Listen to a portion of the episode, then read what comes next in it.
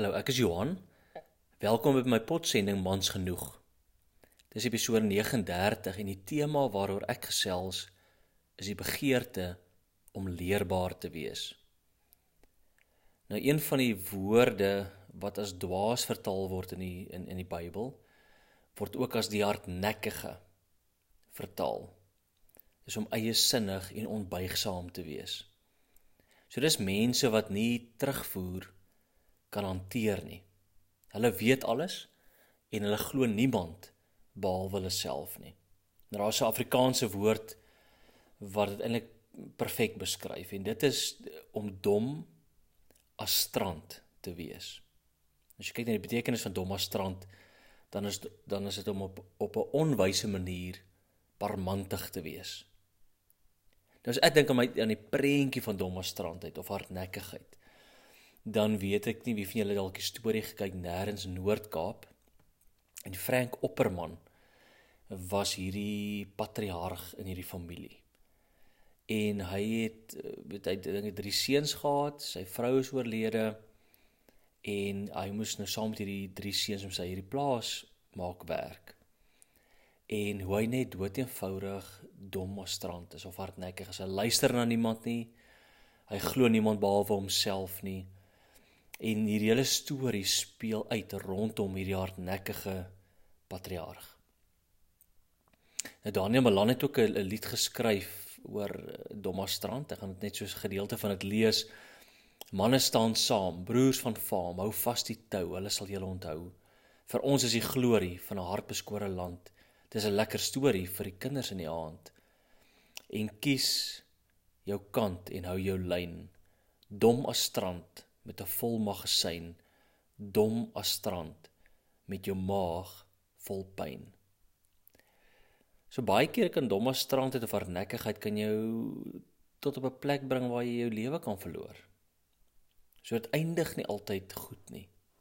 En die vraag is ook vir jouself, maar waar is jy of waar is ek hardnekkig of dom as strand? Nou een een strategie om dom as strand te oorkom of dit nie alter is om leerbaar te wees. So om leerbaar te wees gaan in essensie daaroor om lewenslank oop en ontvanklik te wees vir dit wat God jou wil leer deur middel van die Bybel. So baie keer wil een van die goed in die Bybel wat wat gesê word is wees lief vir jou vyande. So wanneer jy 'n vyand het of iemand waarvan jy nie baie hou, dan nooi die Bybel jou uit wees oop. Wees lief vir jou vyande. Baie keer ander mense Jy weet baie keer kom God en hy wil jou leer deur ander mense, gelowiges en ongelowiges. En jy weet baie keer ek wil ek en baie ongelowiges wat op 'n beter manier leef, meer inspirerende manier as baie van my gelowige vriende. So in 'n uh, ongelowige se gedrag kan dit dalk wees dat die Here vir jou sê, hoor so Johan, kyk bietjie hoe leef hierdie hierdie persoon. Um en laat jy daarbey aanpas. Baie keer deur ervarings, soms word ons aan dinge blootgestel en in daardie blootstelling besef ons maar die manier waarop ons leef is eintlik 'n baie klein manier van leef. En ons word uitgenooi om op anders te leef, op 'n nuwe manier te begin leef. Soms onder gebed uh, gebeur dit dat jy dinge sien lekker tussen jou en 'n ander persoon nie en onder gebed krap dit jou net en jy besef jy maar miskien moet ek tog maar gaan regmaak. Miskien moet ek maar die versoeningspad gaan begin stap met iemand wat dit weet waar dit moeilik gaan in die verhouding.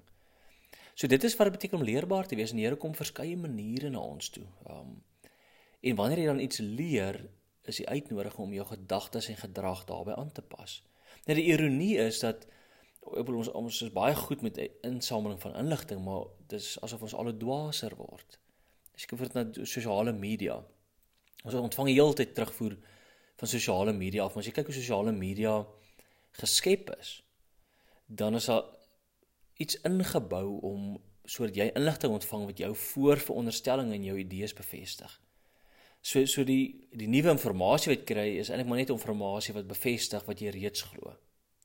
En as jy kyk na Jesus, hy het gesoek, gereeld gesoek na leerbare mense.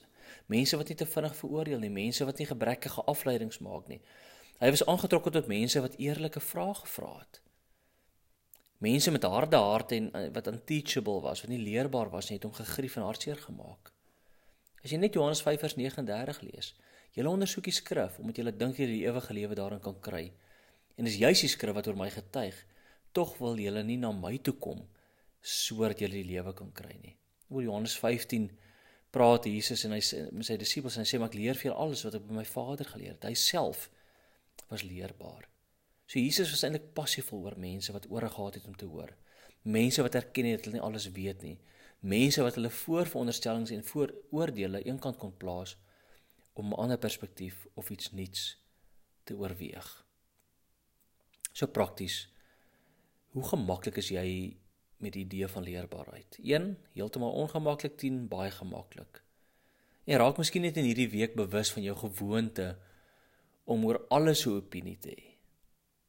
Oor ons gewoontes om nie eintlik aan ander mense te luister nie, om net ons eie koppe te volg. En vra vir die Here om jou oper te maak en sodat jy meer leerbaar kan wees.